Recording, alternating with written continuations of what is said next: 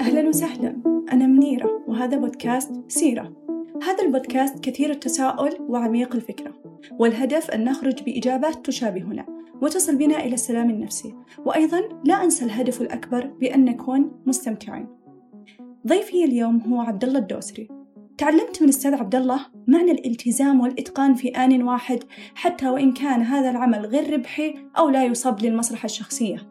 لكن لأهداف مبطنة في سيرة أترك المجال للأستاذ عبد الله أن يشرح عن نفسه بالطريقة التي يراها مناسبة. ويلا بنا نبدأ بالتساؤلات. مساء الخير أستاذ عبد الله. مساء السرور والنور حياك الله.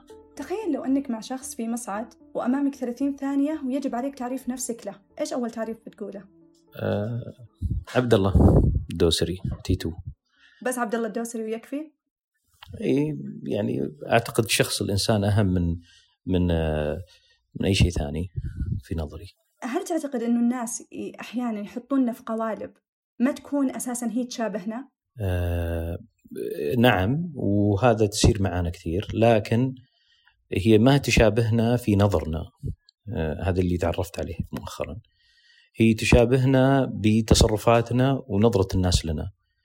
آه فهي فعليا القوالب هذه يعني هي إحنا رسمناها لا شعوريا آه، باللاوعي الموجود عندنا. ووضعنا نفسنا داخل القالب هذا وإحنا ما ندري بشكل أو بآخر. فلذلك الناس آه، طبعا الناس اللي يعرفونك. الواحد أو يتعاملون معه أو يتعاطون معه آه، في في حديث يومي أو في بزنس مثلا يومي وما إلى ذلك دائما يأخذها بالنظرة هذه. لكن شخص ما يعرفك آه، وممكن تقابله في مصعد وكذا ممكن إنه آه، يعطي نظرة مبدئية لا تعني أي حاجة بعض الناس ممكن ينظر للشخص لأنه مثلا لابس نظارات معناته إنه يحب القراءة. ممكن ينظر إنه واحد مثلا متين معناته إنه كسول مع إنه قد يكون نشيط وكذا. هذه كلها استباقيات وفي ناس عندهم الفراسة يعني لكن الفراسة ليست لدى الجميع في معرفة هذه الأشياء. لذلك إذا كنا نتكلم عن آه، كيف الناس يناظرون الواحد أو يحكمون عليه ويحطونه في إطار في العادة إحنا الإطار وضعنا نفسنا فيه لا اراديا. يعني واحد يقول لي مثلا أنت عصبي. طبعا لأنه شاف مني أكثر من اكشن في وقت معين وأكيد هذا أثبت الشيء هذا. يجيني يقول لي أنت مثلا آه، رجال تحب التقنية. انه يقرأ مثلا تويتات يلقى فيها كثير من الأشياء التقنية من الطبيعي جدا إنه بيقرأ الشيء هذا. وهكذا. ممكن أحيانا في صفات شخصية واضحة. أحيانا اوريدي إحنا نكون عارفينها. لكن في ناس ممكن يحللون لنا تحليلات بناء على تجاربهم بالحياة أحيانا تكون تجاربهم بالحياة غير جيدة ب... وعلى ذلك يصبونها علينا فيكون تعريفهم لنا أح... أم... غير عادل هل المفروض هم ينتظرون كيف إحنا نعرف عن أنفسنا بشكل واضح أو لا نترك المجال لكل شخص أن يعرف عنا؟ آه هذه يمكنها تؤخذ من من زاويتين. هل يهمني أساسا أني أغير من نظرته لي آه كشخص آخر؟ هل فعليا أنا محتاج إنه يناظر لي بالشكل هذا؟ طبعا إذا كنت نتكلم في بزنس ال brand آه brand الشخصي أو أو يعني العلامة الشخصية أو معرفة الشخص أو الشركة ربما يكون الإجابة نعم لأن في الأخير ال brand نفسه يحكم أهداف اللي الواحد يبغى يوصل لها لكن بعض الأحيان آه، جاري وماخذ عني صورة مثلا بشكل معينة ما دام إحنا وياه في في سلام وكل واحد منا يسلم على الثاني وخلاص يعني قد لا يكون من الضروري إني أغير الفكرة هذه. قد يكون بعض الأحيان الواحد عنده فكرة ومعند عليها خلاص تبقى الفكرة معه. قد يكون بعض الأحيان. بعض الأحيان في ناس يعنون لنا الكثير يعني الأخ الصديق القريب جدا الزوجة بعض الأحيان آه، الابن أو البنت. هذا قد يكون بعض الأحيان الأفضل تصحيح النظرة هذه أو على أقل تقدير إدارتها بشكل سهل. هل إحنا المفروض أن كل إنسان نعرفه؟ آه، المفروض انه ينظر لنا النظرة الصحيحة. آه، جلست لفترة طويلة من عمري وأنا آه، أتألم من هالمشكلة هذه لأن في ناس مثلا قالوا عني كلام وفي ناس كذا وهذا كان في الصغر يعني في في الطعشات وبعدين في العشرينات. ثم بعدين الإنسان بدأ يتعلم طيب يعني الإنسان له عقله وله أفعاله ويرجع في الأخير لله سبحانه وتعالى وهو اللي بيحاسبه. طيب من خلال بحثي آه، في تويتر شفت لكم عبارة تسويقية آه، اللي هي لا تفسد جمال بيئة عملك بكثرة الأسلاك والصيانة. طيب في الحياة الواقعية أو لو صبيناها على النفس البشرية نواجه الكثير من تشابك الأسلاك والعقد الداخلية. في هذه الحالة مين نطلب؟ أول حاجة آه، جلسات التأمل. نطلب جلسات التأمل. الإنسان أول شيء يوقف مع نفسه؟ قد تكون بعض الأحيان الأسلاك هذه الأفضل أن ما نحلها. آه، والأمثلة كثيرة. كثير مننا يعرف أنه يتعامل مع أشخاص كبار في السن أكبر منه سنا. آه، صعب جدا حل مشاكل الأسلاك اللي عندهم. وهذه من الأشياء اللي المفروض نتقبلها. فالتأمل يعطي جزء من التقبل فيها. وبعض الأحيان التأمل يعطي الطريقة الصحيحة للحل يعني بعض الأحيان الواحد يفكر فيها أنه والله أنا عندي أسلاك متشخبصة مع بعضها كذا وعندي آه، مشاكل كثيرة وقاعد أناظر فيها وبيحلها الآن بسرعة وهو في خضم المشكلة ولا زالت العواطف جياشة في لحظتها، في اللحظة هذيك بيقول والله أنا آه، خليني آخذ القرار هذا، خليني آخذ القرار هذا. وهو يعني قد لا يكون يعني من من من يعني قد لا يكون من الضروري إنه ياخذ الآن القرار ولا يحتاج إنه ياخذ القرار هذا اللحظة هذه. فلذلك آه، قد تكون جلسات التأمل هي أفضل الطرق آه، للإنسان. عن جلسات التأمل يمكن إحنا نناظرها من من جهة قد تكون جلسات تأمل واحد بس يجلس بالحالة في غرفة، قد تكون مثلا يطلع يمشي لوحده، آه، قد تكون مثلا إنه ينعزل عن الناس وقت معين، قد يكون إنه يمسك ورقة وقلم ويبدأ يكتب.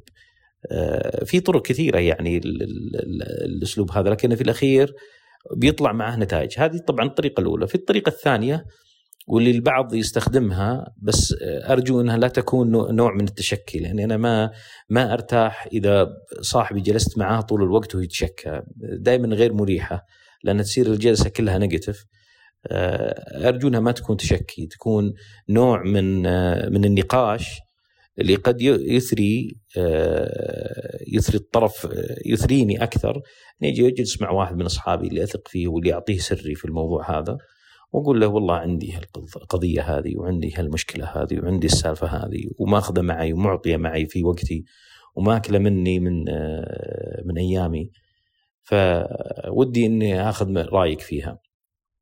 يبدأ يسمع منك ويبدأ يعطيك اقتراحات قد لا تكون صحيحة بعدين تبدأ ترد عليه فيها. لكن الميزة فيها آه، إنها بتعطيك فرصة إنك أنت تقلب المواضيع من أكثر من طرف وكثير من الأحيان تصير معي إني أسولف مثلا مع واحد من أصحابي آه، وأنا أحل المشكلة بنفسي ما هو لأنه ما هو كان جزء من الحل لا بس أشوف إنه إحنا وسط النقاش وجدت الحل الصحيح والمناسب بسبب إن النقاش نفسه. فهذه طريقة ثانية. في بعض الطرق الأخرى تعتمد عاد على كل يعني على كل مشكلة. بعض الأحيان إذا كانت آه، يعني مثلا هي مرتبطة في الأبناء فجزء منها القراءه أقرأ مثلا ليش المشاكل هذه؟ مثلا ممكن تصير الأشياء النفسية. طبعا أنا من الناس اللي أحب آه، علم النفس الاجتماعي وأعتقد إنه آه، جزء واجب علينا أننا نتعلمه كلنا إذا كنا نبغى نتعلم كيف نتعامل مع المجتمع بشكل عام. فجزء كبير جدا الأطفال لهم طريقة في التفكير. آه، المراهقين لهم طريقة في التفكير. آه، يعني ذاك اليوم كنت أسولف مع واحد من الشباب وقال لي فلان يقول يقول كذا ويقول كذا ومدري إيش وما هو قاعد يعطي مثلا معلومة صحيحة عن شخص ثاني. قلت هذه طبيعية هذه هذه يسمونها غيرة الأنداد تجي غيرة بسبب إنه صاحبه وقارن نفسه فيه وكذا صار الواحد يفهم كله بسبب اللي هي ال human behavior أو التصرف البشري اللي جزء منه في علم النفس أو علم النفس الاجتماعي مخلوطة من هنا ومن هنا شوي. هل في شيء من نوعية الأسلاك هذه المخبصة هذه هل في شيء منها ممكن يترك زي ما هو عليه أو يدفن يؤخذ كما هو يدفن؟ آه، أعتقد فيه الكثير. ولو قيمنا هذه الأشياء أنها تسوى عندنا في حياتنا. ولو تذكر في بداية كلامي قبل شوي كنت أقول إنه هي بتعتمد على تقييم الإنسان للعلاقات الإنسانية عنده وما يسوى عنده في حياته. لأن الإنسان في نهاية الأمر وده يعيش بمرتاح البال. ففي أشياء كثيرة يعني المفروض إن الواحد إنه يتركها وينساها. ما هي جزء من من الرادار المهم في حياته. يعني لا قلبه بيخفق لها ولا حاجة بس كلها بعض الأحيان انتصار للذات بعض الأحيان حب للذات وهذه كلها ممكن تنسى. صح. طيب تعتقد أن شخصيتنا الحقيقية ظاهرة ولا لا؟ ومين هم الأشخاص اللي تظهر لهم؟ هل هم أهالينا في الدرجة الأولى مثل الأم والأب الزوجة الأطفال ولا الأصدقاء؟ ما حد يقدر يعطي شخصيته كاملة لواحد نحن هذا في نظري طبعا. إحنا عبارة عن أكثر من شخصية نتقلدها في في أكثر من من موطن وأكثر من مكان. في ناس يقرؤونك من بشخصك وطريقة طريقة طريقة تصرفك لكن هذه قراءتهم الشخصية. لكن إحنا كيف إحنا نتصرف عشان نبني شخصيتنا؟ في كل مكان لنا شكل معين. في المسجد شكل في في المكتب وفي العمل شكل مع أطفالك شكل مع والدين الواحد يكون شكل آخر. طريقة تصرفه وشخصيته مختلفة جدا. وهذا ليس بغريب يعني. الإنسان إذا تعرفين هذا المربع حق اللي يسمونه الديسك آه، اللي هو مربع الشخصيات أو الصفات الشخصية كل إنسان يتقمص الشخصيات الأربعة. مثلا إذا كان الواحد conservative متى يكون conservative إذا كان متدين ويخاف على انه مثلا في الحلال والحرام فيكون very conservative في المواضيع هذه مثلا يكون مرة متحف متحفظ. آه، ومثلا في نفس الوقت يكون مثلا نوعا ما influential مثلا في الاي في في طريقة تصرفه يسولف مع الناس ويتكلم مع هذا إذا راح للعمل. آه، ويكون إذا كان بين أبناء العم وما إلى ذلك يكون social مثلا زي كذا. في ناس يتقمصون كل الشخصيات هذه. لكن هل الواحد له core أو له قيمة عميقة في واحدة من الشخصيات حقته؟ نعم فيه. لكنها لن تظهر أمام كل الناس إلا عند الشخص اللي قاعد يحاول انه يقيمك يناظرك من من من داخل ويقول يقول أيوه هذه عنده الصفة هذه عنده الصفة هذه عنده الصفة هذه. ويبدأ يجمعها لين ما يرسم شخصك الآخر. لكن هل إحنا آه، ممكن ننكشف؟ كثير من الأحيان ممكن ننكشف لكنها ما راح ننكشف تماما. بنكشف جزئيا. طيب إحنا الاشخاصنا لانفسنا هل إحنا نعرف أساسا شخصيتنا الحقيقية ولا لا؟ تعتمد على الشخص. يعني في ناس عندهم آه، عندهم وعي بالذات عالي جدا لدرجة إنه آه، يستطيع إنه يتصالح مع نفسه يقول مثلا أنت ضعيف أنت تخاف تقابل الناس. خلاص هو عارف من شخصيته هذا الضعف لكنه متقبل هذا الموضوع. شخص آخر مثلا يقول أنا ماني بكويس في الرياضيات مثلا ولا في الحسابات وما إلى ذلك. لذلك أنا أحاول إني أتفاداها هو يقول لنفسه. هذه من من من من داخل لكن مو كل الناس عندهم الوعي بالذات. أنا صادفني بعض الإخوان كان عنده ضعف في الوعي بالذات فكان كثير من أموره آه، آه، نوعا ما إذا إذا إذا سألتيه مثلا عن سألتيه مثلا كيف علاقتك مع موظفينك؟ يقول علاقتي ممتازة معهم. كلهم يحبوني وما إلى ذلك. تروح تسأل الموظفين من الجهة الأخرى يجاوبونك بطريقة ثانية مختلفة. يقولون والله مديرنا هذا تعبان آه، متعبنا مرة آه، حقيقة. تقول له إذا طلب طلب منك طلب آه، خارج اوقات العمل ترد عليه قال لا أنا أصلا لو يرن علي ما أرد عليه. في ناس زي كذا. ما يعرف شخصيته أساسا هو على بعضه يعني. لا يعرف كثير من تصرفاته إنها تنعكس على شكل بشكل أو بآخر. في ناس يعتقد نفسه إنه آه، يستحق ما يستحقه غيره من الأفعال مثلا أو من النتائج. آه، والسبب فيها نظرته انه ضعيفة في وعيه بذاته. لذلك آه، قد يكون يمكن سؤالك إذا قلت هل نحن نعرف أنفسنا؟ صعب جدا الواحد يعرف نفسه تماما. لأنه اول شيء يتغير؟ وكل تغير قاعد يأثر عليه ويكتشف نفسه مع التغير هذا. فورة الدم حقت المراهقين تختلف عن واحد في مثلا في الخمسين.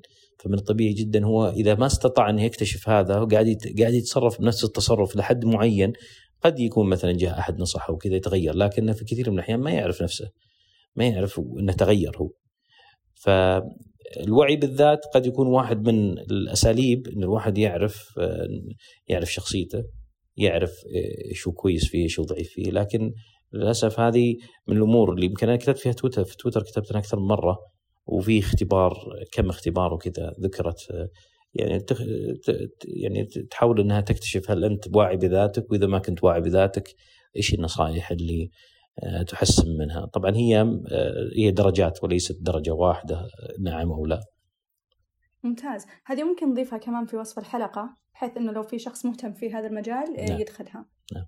آه طيب آه في من خلال مرحلة الوعي بالذات وأنت تطرقت إنه في أشخاص ما يكونون عارفين أنفسهم.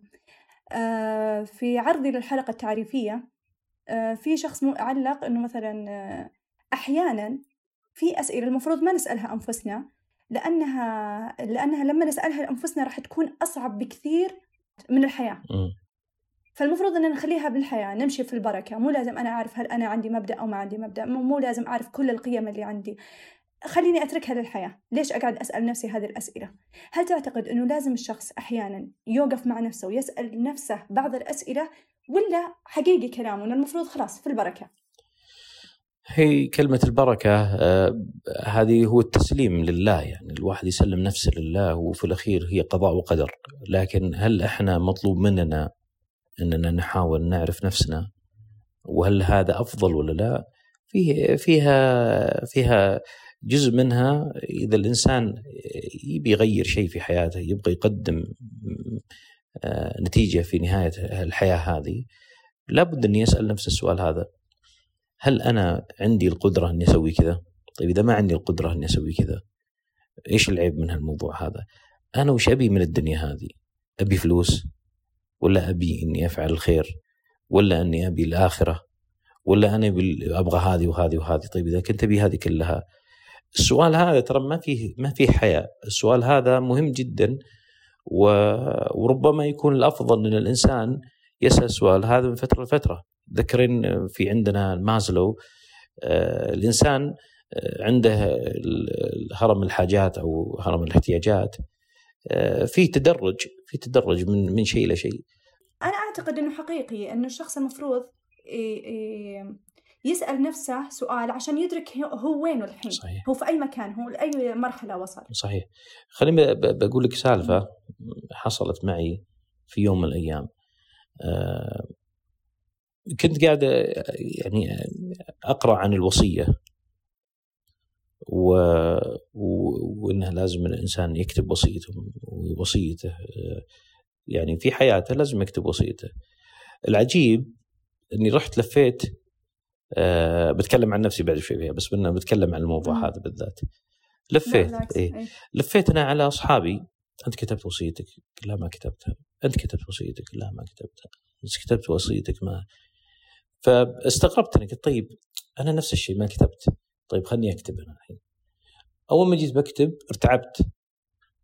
في خوف مش طبيعي لأن الإنسان في هذيك اللحظة يتصور نفسه وهو مو موجود في الدنيا. فالموضوع مخيف جدا. لكنه موجود. يعني حاجة لا يمكن أحد يتفاداها يعني. مهم. إحنا قاعدين نتكلم عن ضرب من الخيال اللي بيقعد عايش حياته كلها بدون ما, ما تنتهي حياته. لكنها حاجة مخيفة جدا. مرعبة. فأول ما بديت أفكر فيها طيب الحين الآن أصحابي هذول هم ما فكروا فيها لأنهم مرتعبين ولا ما فكروا لأنها ما تبادر ذهنهم ولا ما فكروا فيها لأنها آه يعني دائما محرجة لأنها بتسأل السؤال اللي مثل ما قال يمكن الشخص اللي قال لك على البركة خلها تمشي وبتيسر الأمور وبنمشي وربما يجي يوم الواحد يكتب وصيته وما إلى ذلك. الله أعلم لكن اللي أنا شفته إن الشيء الوحيد لو واحد جلس على طاولة ومعه ورقة وقلم وقال بكتب وصيتي الآن بسكر الورقة هذه وبحطها في ظرف وبقول للناس هذه الورقة تفتح فقط إذا تركت الدنيا هذه مجرد البدء في الكتابة مرعب مرعب بحد ذاته.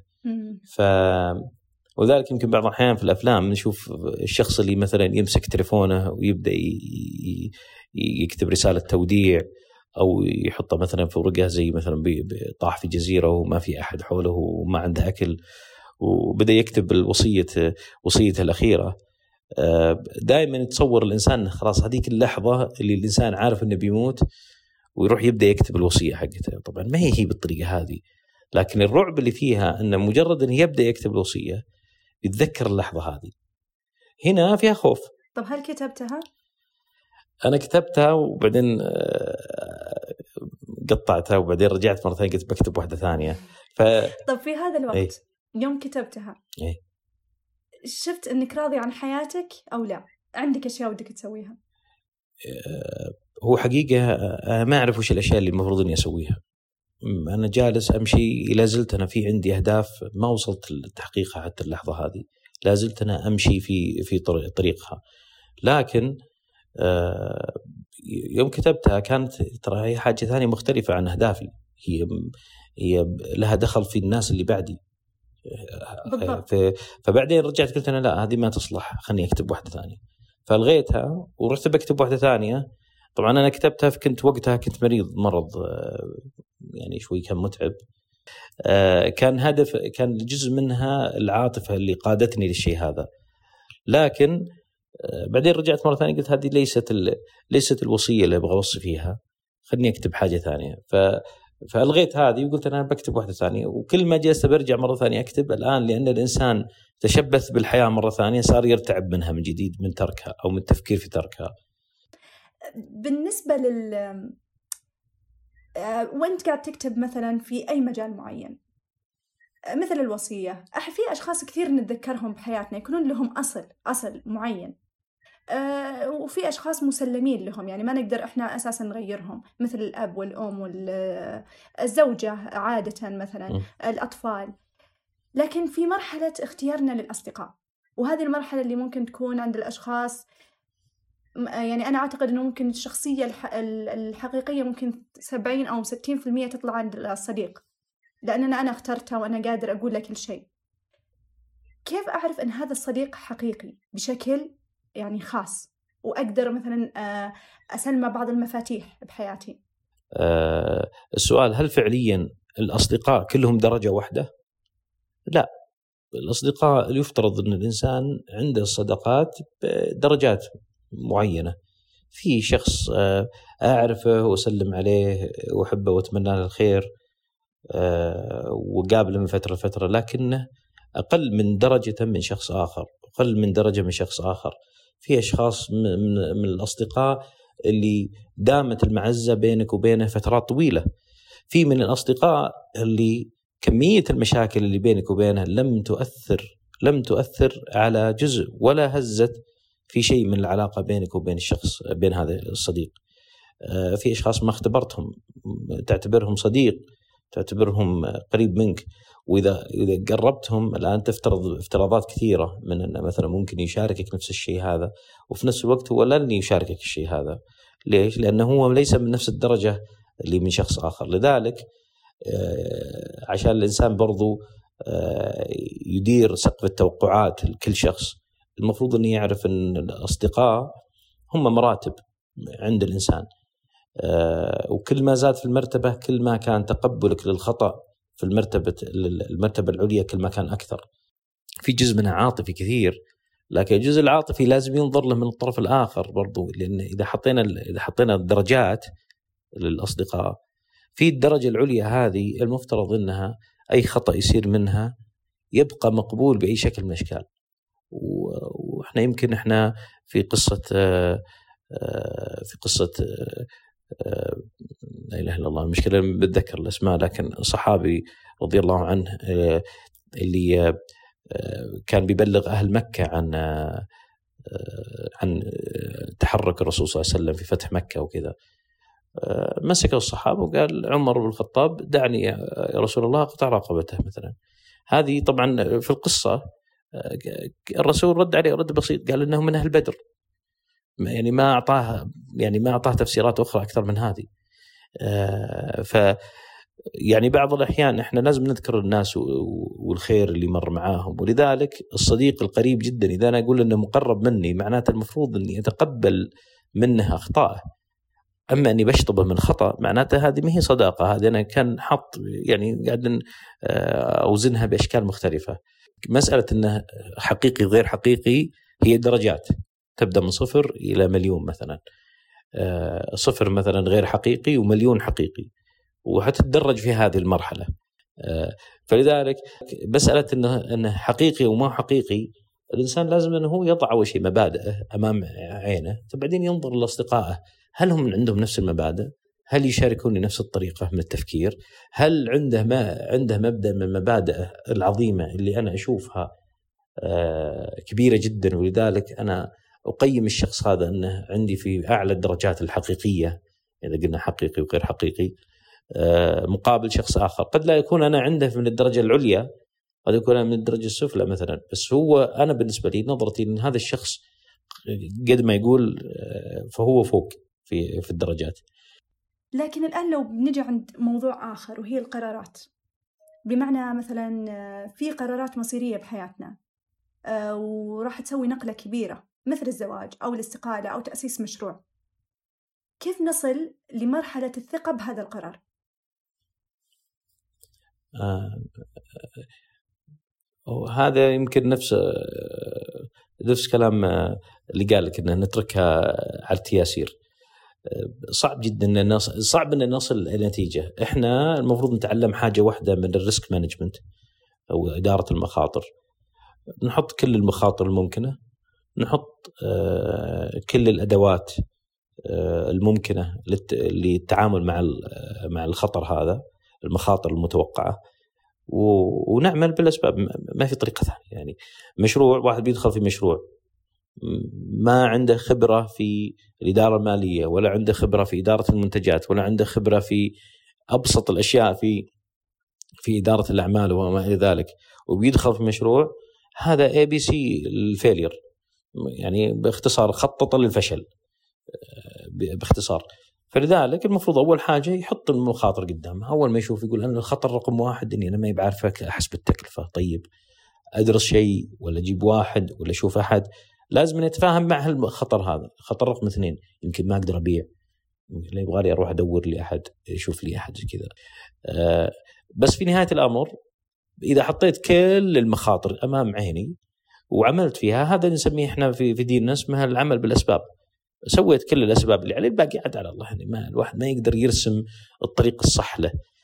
هي الإشكالية اللي أشوفها واللي دايم دائما تكون مخيفة نوعا ما اللي هي ماذا سيحصل لاحقا؟ هذه هذا الجزء الثاني اللي هو الأصعب في التسليم. يعني الإنسان في في الأول يسوي اللي عليه ويعرف إنه مسلم في الأمر. لكن مشكلته الخطوة الثانية إذا بدأ يفكر في النتائج حقت الفشل وإنه وش بيقدر يسوي فيها ثم بعدين نتائج الفشل نفسها تخيفه أكثر من العمل لتفادي الفشل. هنا هذه المنطقة هي الرمادية اللي دائما كثير من الناس تسيطر عليه فكرة الفشل آه، من إنه يعمل لتفادي الفشل. هو بيجلس كذا بيجلس مع نفسه. طبعا مرة ثانية رجعنا لنفس الأسلاك. ممكن عن طريق التأمل ممكن عن طريق القراءة ممكن عن طريق السواليف مع شخص معين. آه، وهكذا. ممتاز. طيب الحين لو بنجي إحنا مثلا نأسس مشروع أو في بناء شركة معينة أهم شيء دائما يقولونها لازم تكون محددة الرسالة والقيم والأهداف. لكن في النفس البشرية هل المفروض نعرف رسالتنا بالحياة؟ آه كان لي نقاش مع واحد من من آه، واحد من أصدقائي أعز أصدقائي وكذا. وكان نقاش طويل على ال vision وال mission وما إلى ذلك. وكنت أقول له في الشركات هذه كلام خربوطي. آه، نظرتي لها هي هي نية تبدأ في البداية ثم بعدين توجه. أكثر من كذا الباقي آه، كله خرابيط يكتب على الورق ولا ينظر له.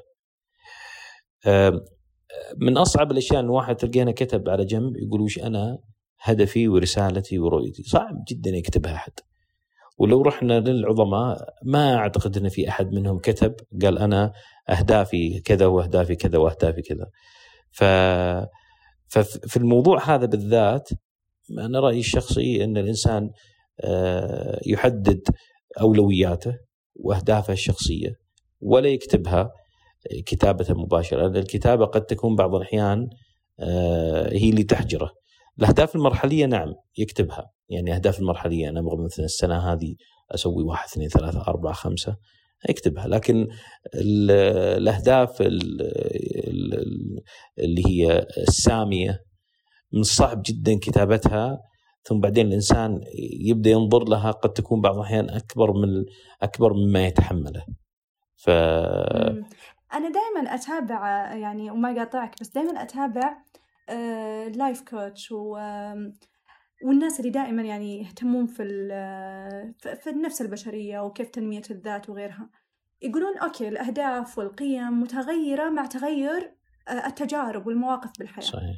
لكن رسالتك هي هي من أول ما تنولد إلى آخر يوم في حياتك هي رسالة ثابتة. آه، هو ممكن أنت ما تكتشفها في هذا الوقت لكن تكتشفها مثلا بعد 30 40 سنة لما أنت تدخل في تجارب معينة. صحيح. تتوقع أنه هذه صحيح؟ وإن كانت صحيح هل تتوقع أنك أنت عارف رسالتك شوي؟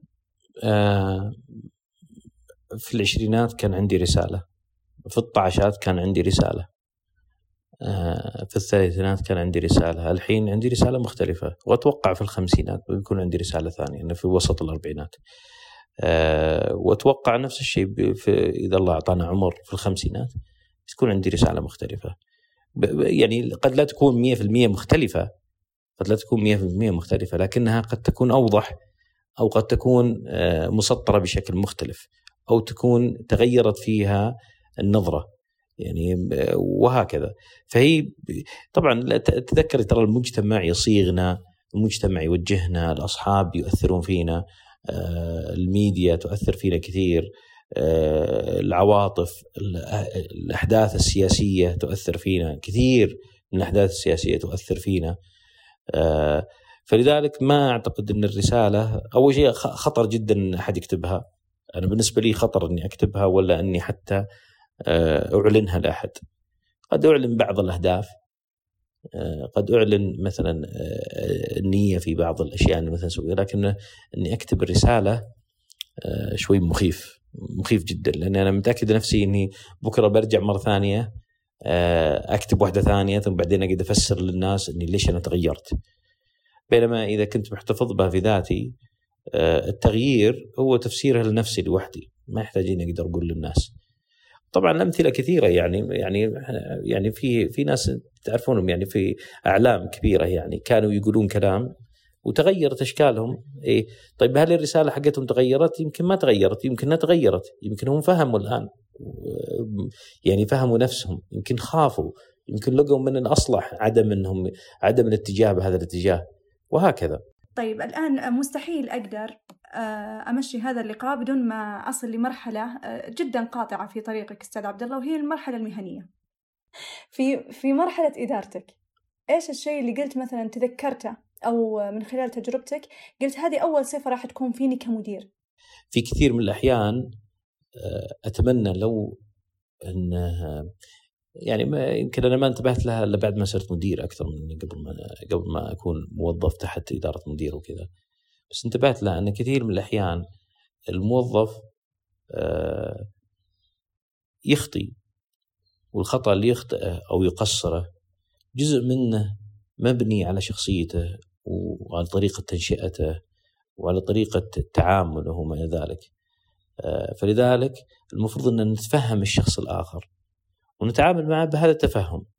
بعض الناس المحفز له اللي عاشه في حياته وكرس حياته عليه المحفز مالي. بعض الناس المحفز حقه قد يكون القيم مثلا معينة.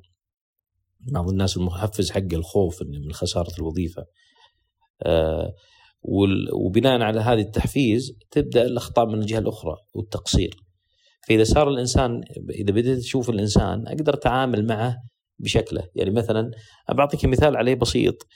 آه، دائما يقولون في هذا هذا الموظف هذا الموظف دائما أي شيء يقوله مديره يقول صح. مم. يقول صح. طيب هو ليش يقول صح؟ مسكين يعني يدور رزقته. يعني ليش اقعد اخالف المدير هذا الحين؟ وأقعد أنا وياه في جدل وكل ما قال لي شيء بقول كذا. أنا من الجهة هذه أتفهم الشخص هذا ما أقول إنه والله وهو بس يعني يعني يسلك لي بين قوسين يسلك لي الموضوع. إيه okay okay خلاص ما دام كنت المدير قل لي اللي تبيه على كيفك. أبى انظرها من الجهة الأخرى. قد تكون هذه موجودة فيه. وقد يكون أنا ما أبغى الشيء, هذا يكون مثلا عنده انه يسلك لي ف اتفهم الشيء هذا أحاول إني أعطيه مثلا الأمان في بعض الحاجات أحفزه أطلع منه الكلام أسأله عن الشغلة مرة مرة واحدة مرتين ثلاث مرات آه هذا الأسلوب هو اللي قد يكون الشيء الوحيد اللي أنا لاحظته تمنيته إنه مثلا دائما يكون موجود في المدير. طبعا كثير من الأحيان آه الغلطات غلطات الموظفين هي اللي الواحد لازم إنه بعض الأحيان ينظر لها إنها جزء من جزء من جزء من جزء من تركيبة الموظف. وأعطيك أمثلة عليه. موظف مثلا أول مرة يتعامل مع نظام واللحظة هذه عنده مثلا 30 آه، مليون بني آدم قاعدين بيتاثرون من النظام هذا والآن قاعد يسوي الصيانة حقته ويديه ترجف. الامبثاي تخليني أقول نعم والله مسكين يعني الغلطة اللي سواها في هذيك اللحظة لأنها أول مرة في حياتي يقدم زي الموضوع هذا وأنا كان المفروض إني أنا أعطيه فرصة آه، أصغر من هذه شوي أو أخلي معه أحد ثاني جنبه عشان لو غلط آه، ينتبه له ما يغلط كمثال ولا إني أخليه والله قدام المدفع وينفجر بغلطة عليه وهو وهو مسكين أول مرة تصير معاه كمثال. فهي فيها جزء منها جزء منها تعاطف مع مع مع المدير مع الموظف في ما نقول في غلطاته بس في عمله والتحديات اللي توصل له اللي تجي ممتاز.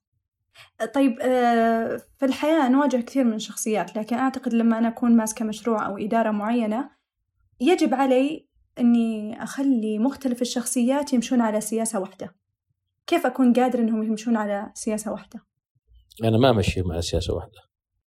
آه، التماشي مع الوظيفة اللي هو تحقيق الأهداف والإجراءات المتطلبة منهم.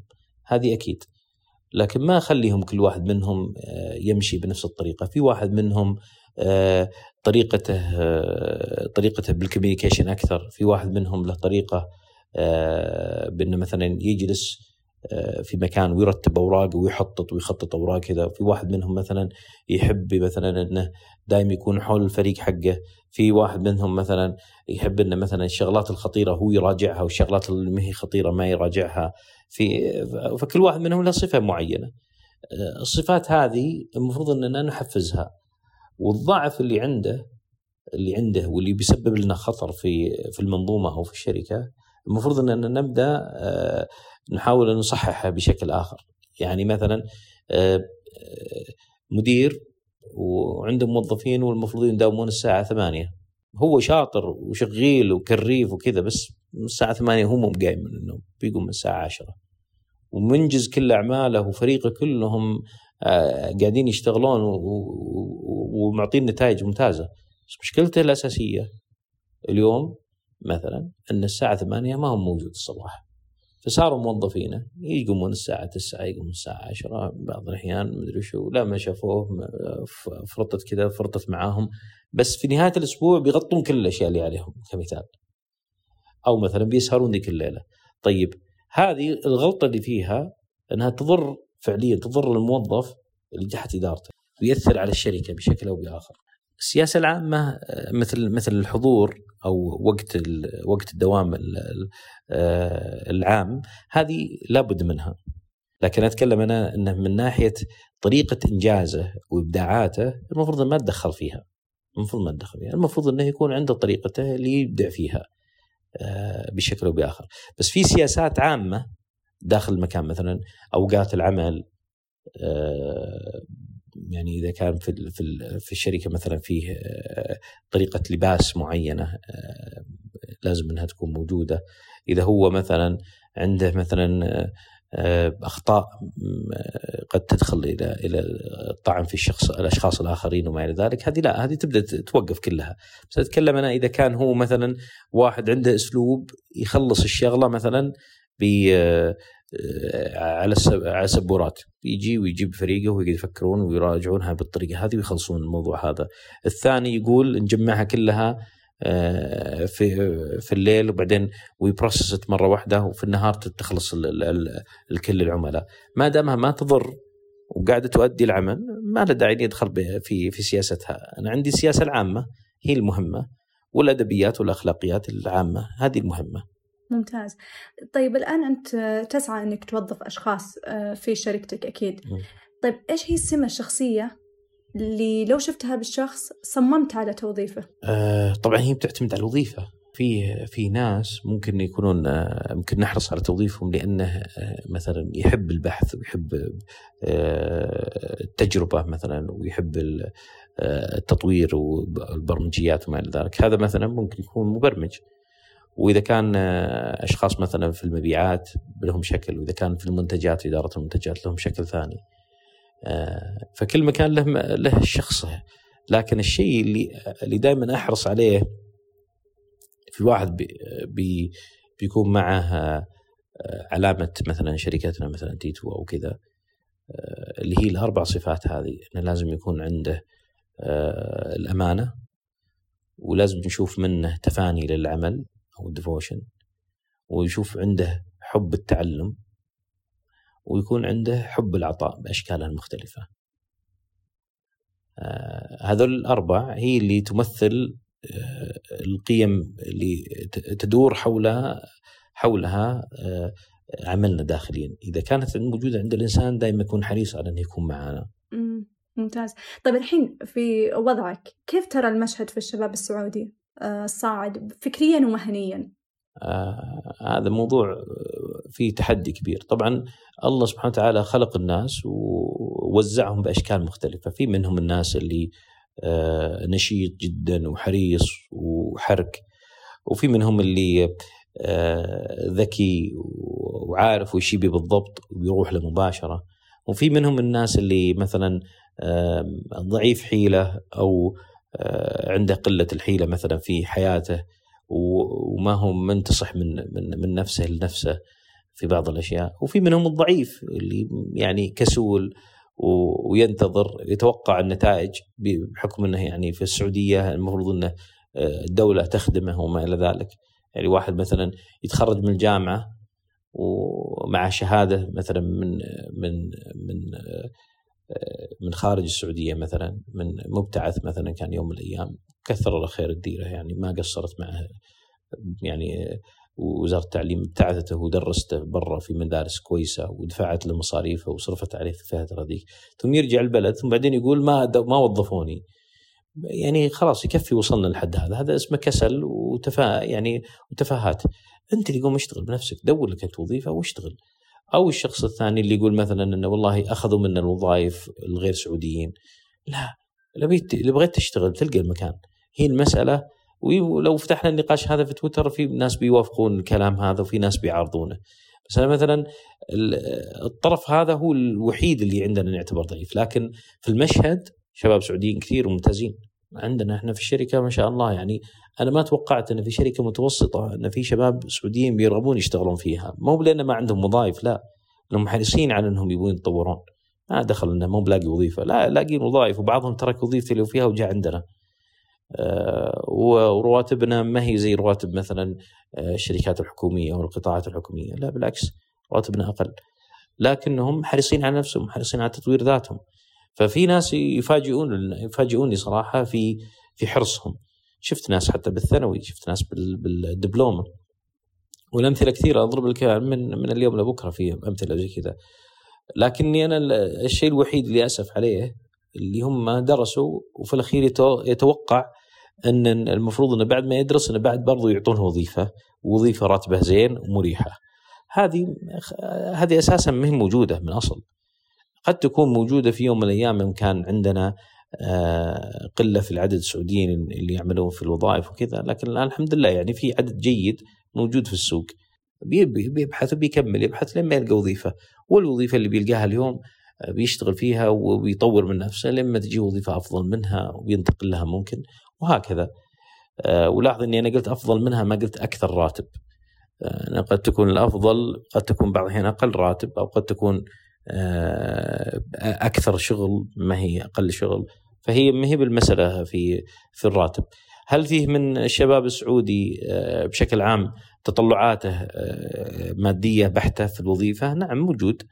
بس أنا ما هذا ما بالنسبة لي لا يعيبه لأن هذا في الأخير حريص على نفسه وحريص على النتائج اللي يبغى يوصل لها بغض النظر عنها. يمكن أنا أفضل انه يكون واحد عنده حرص على بناء نفسه في أول في أول أمره ومتوسط حياته آه، أفضل لكنها في الأخير قد يكون عنده أهداف أخرى مختلفة. قد تكون أهداف إنه يوصل للاكتفاء المادي في فترة قصيرة ثم بعدين بيبدأ بزنس حقه. الله أعلم ما لا أعرف يعني قد تكون أهدافه مختلفة. لكن الشيء الوحيد اللي يعيبه هو الشخص هذا اللي درسناه وراح إحنا في السعودية أخذناه وابتعثناه برا السعودية ودرس في أفضل مدارس واختار الجامعة اللي يبغاها ودرس وجاء وفي الأخير يقول أنا ما أعطوني وظيفة. يعني هذا هذا اسوء مثال ومثال اللي لا نفضل إنه يكون موجود. اشتغل أي وظيفة ولا تقدر تقول والله أنا ما اشتغلت أنا الوظيفة الفلانية الآن الواطية جدا لأني ما لقيت. طيب أخيرا أستاذ عبد الله آه، أخبرني باسم شخص كان له أثر كبير على مسيرتك الفكرية. أشخاص في ناس واجد. آه. ما تعتقد في اسم بارز شوي شكل تكوينه من شخصيتك؟ آه يعني شخص واحد لا هو حقيقة عندي أشخاص كثيرين يعني في أنا ربي وفقني أني حولي آه، مجموعة من الناس المبدعين آه، في مجالات مختلفة خلينا نقول بين قوسين صححت لي إما مباشرة أو عبر الوقت جزء من طريقة تفكيري. وأعطتني فرصة أني يعني أكون شخص مختلف. مختلف لا يعني أفضل لكنه مختلف مختلف عن غيري. وأعطتني فرصة أني أتطور لكنهم كثير. في منهم اللي أعطاني فرصة في منهم اللي وقف جنبي في لحظة مشكلة وقف جنبي وذكرني ب بالأساسيات اللي تهدي الواحد وفي صغري يعني أحد المدرسين الكرام في في سادس ابتدائي آه، كان يدرسنا الرياضيات. هذا مثلا غير لي في حياتي كثير. أنا كنت آخذ جيد جدا يعني درجاتي كلها في الجيد جدا وأقل شوي. بس كنت عنده في الرياضيات آخذ 100 100 آخذ 100 100 جاء الرجال مسك شهادتي وهو ما كان ما كان المشرف على الفصل وكذا رائد الفصل. قال لي جملة غريبة والجملة هذه غيرت كثير. قال يا ابني الناس بيتعبوا عشان يجيبوا مية من مية. أنت جايب مية من مية. باقي درجاتك كلها ضعيفة. ادرس شوية تصير أحسن منهم. لاحظت الجملة حقته. هو طبعا يتكلم عن أنه ليش هذا تقديره جيد جدا؟ وهو جايب مية من مية في الرياضيات. بس الجملة هذيك صحتني كثير. فصرت من بعدها متوسط صرت خلاص أخذ امتياز. ثانوية صرت أخذ امتياز. وبعدين عاد مشت أموري. وطلعت أنا من الناس الشطار بدل ما كنت أنا من الناس اللي في آخر الصف. لاحظت الفارق؟ هذا اثر هذا من تأثيره بسيط كان جدا. يعني عفوا بكلمة بسيطة جدا كان تأثيره عميق بالنسبة لي. وهكذا. لكن يعني لو بذكر أنا يعني يمكن أجحف حق يعني أحد ثاني لكن لو في كل مرحلة من مراحل حياتي فيه ناس مروا علي أثروا علي. في كل مكان من توفيق الله سبحانه وتعالى للإنسان إنه إذا جاء ناصح له الناصح اللي يريد فيه الخير ما يبي منه شيء ثاني. مثل الدكتور عبد الخالق يعني في مكانها الحين سواء كان آه، فوق الأرض أو تحت الأرض آه، يغفر له ربي ويجزاه الخير. يعني ما هو إيش يدور من وراء طفل في في سادس ابتدائي؟ إيش منه يعني؟ وش يتوقع منه بكرة مصلحة ولا شيء؟ ما كل اللي اللي يبي منه يبي الولد هذا يتوفق في حياته لنفسه مو لشيء ثاني. ففي كثير من الناس اللي مروا علينا في حياتنا أكيد اللي قالوا الواحد شيء. لكن بعض الأحيان الكلمة أو التوجيه أو ما ذلك لا يقع في نفس اللحظة في في في, في النصح. وهل أنا جانتني نصائح من ناس كثير؟ نعم جتني نصائح من ناس كثير. لكن قد لا يكون كلها أثرت فيني. قد تكون أثرت فيني بعضها. صحيح. والله أعلم يعني. في الختام شكرا لك أستاذ عبد الله إنك أعطيتني جزء من وقتك. آه، شكرا لثقتك. آه، أنا أعتقد كثير من المستمعين راح يطلعون بأشياء إثرائية من هذه الحلقة. إن شاء الله. فشكرا لوجودك. حفظكم الله. الله يستر عليكم جميعا. الله يعافيك. في النهاية هناك أجوبة ألهمتني لأسئلة أكثر، لكن هذا الوقت الذي يحكمنا، أخبروا عنا من ترون أن هذا البودكاست مشابه له وسنمتن لذلك. وأيضا في حال طرأ لكم أشخاص في مختلف المجالات وتتمنون أن نقابلهم فنتمنى مشاركتنا أسماءهم في الإيميل. الموضوع في وصف الحلقة. يوم جيد للجميع.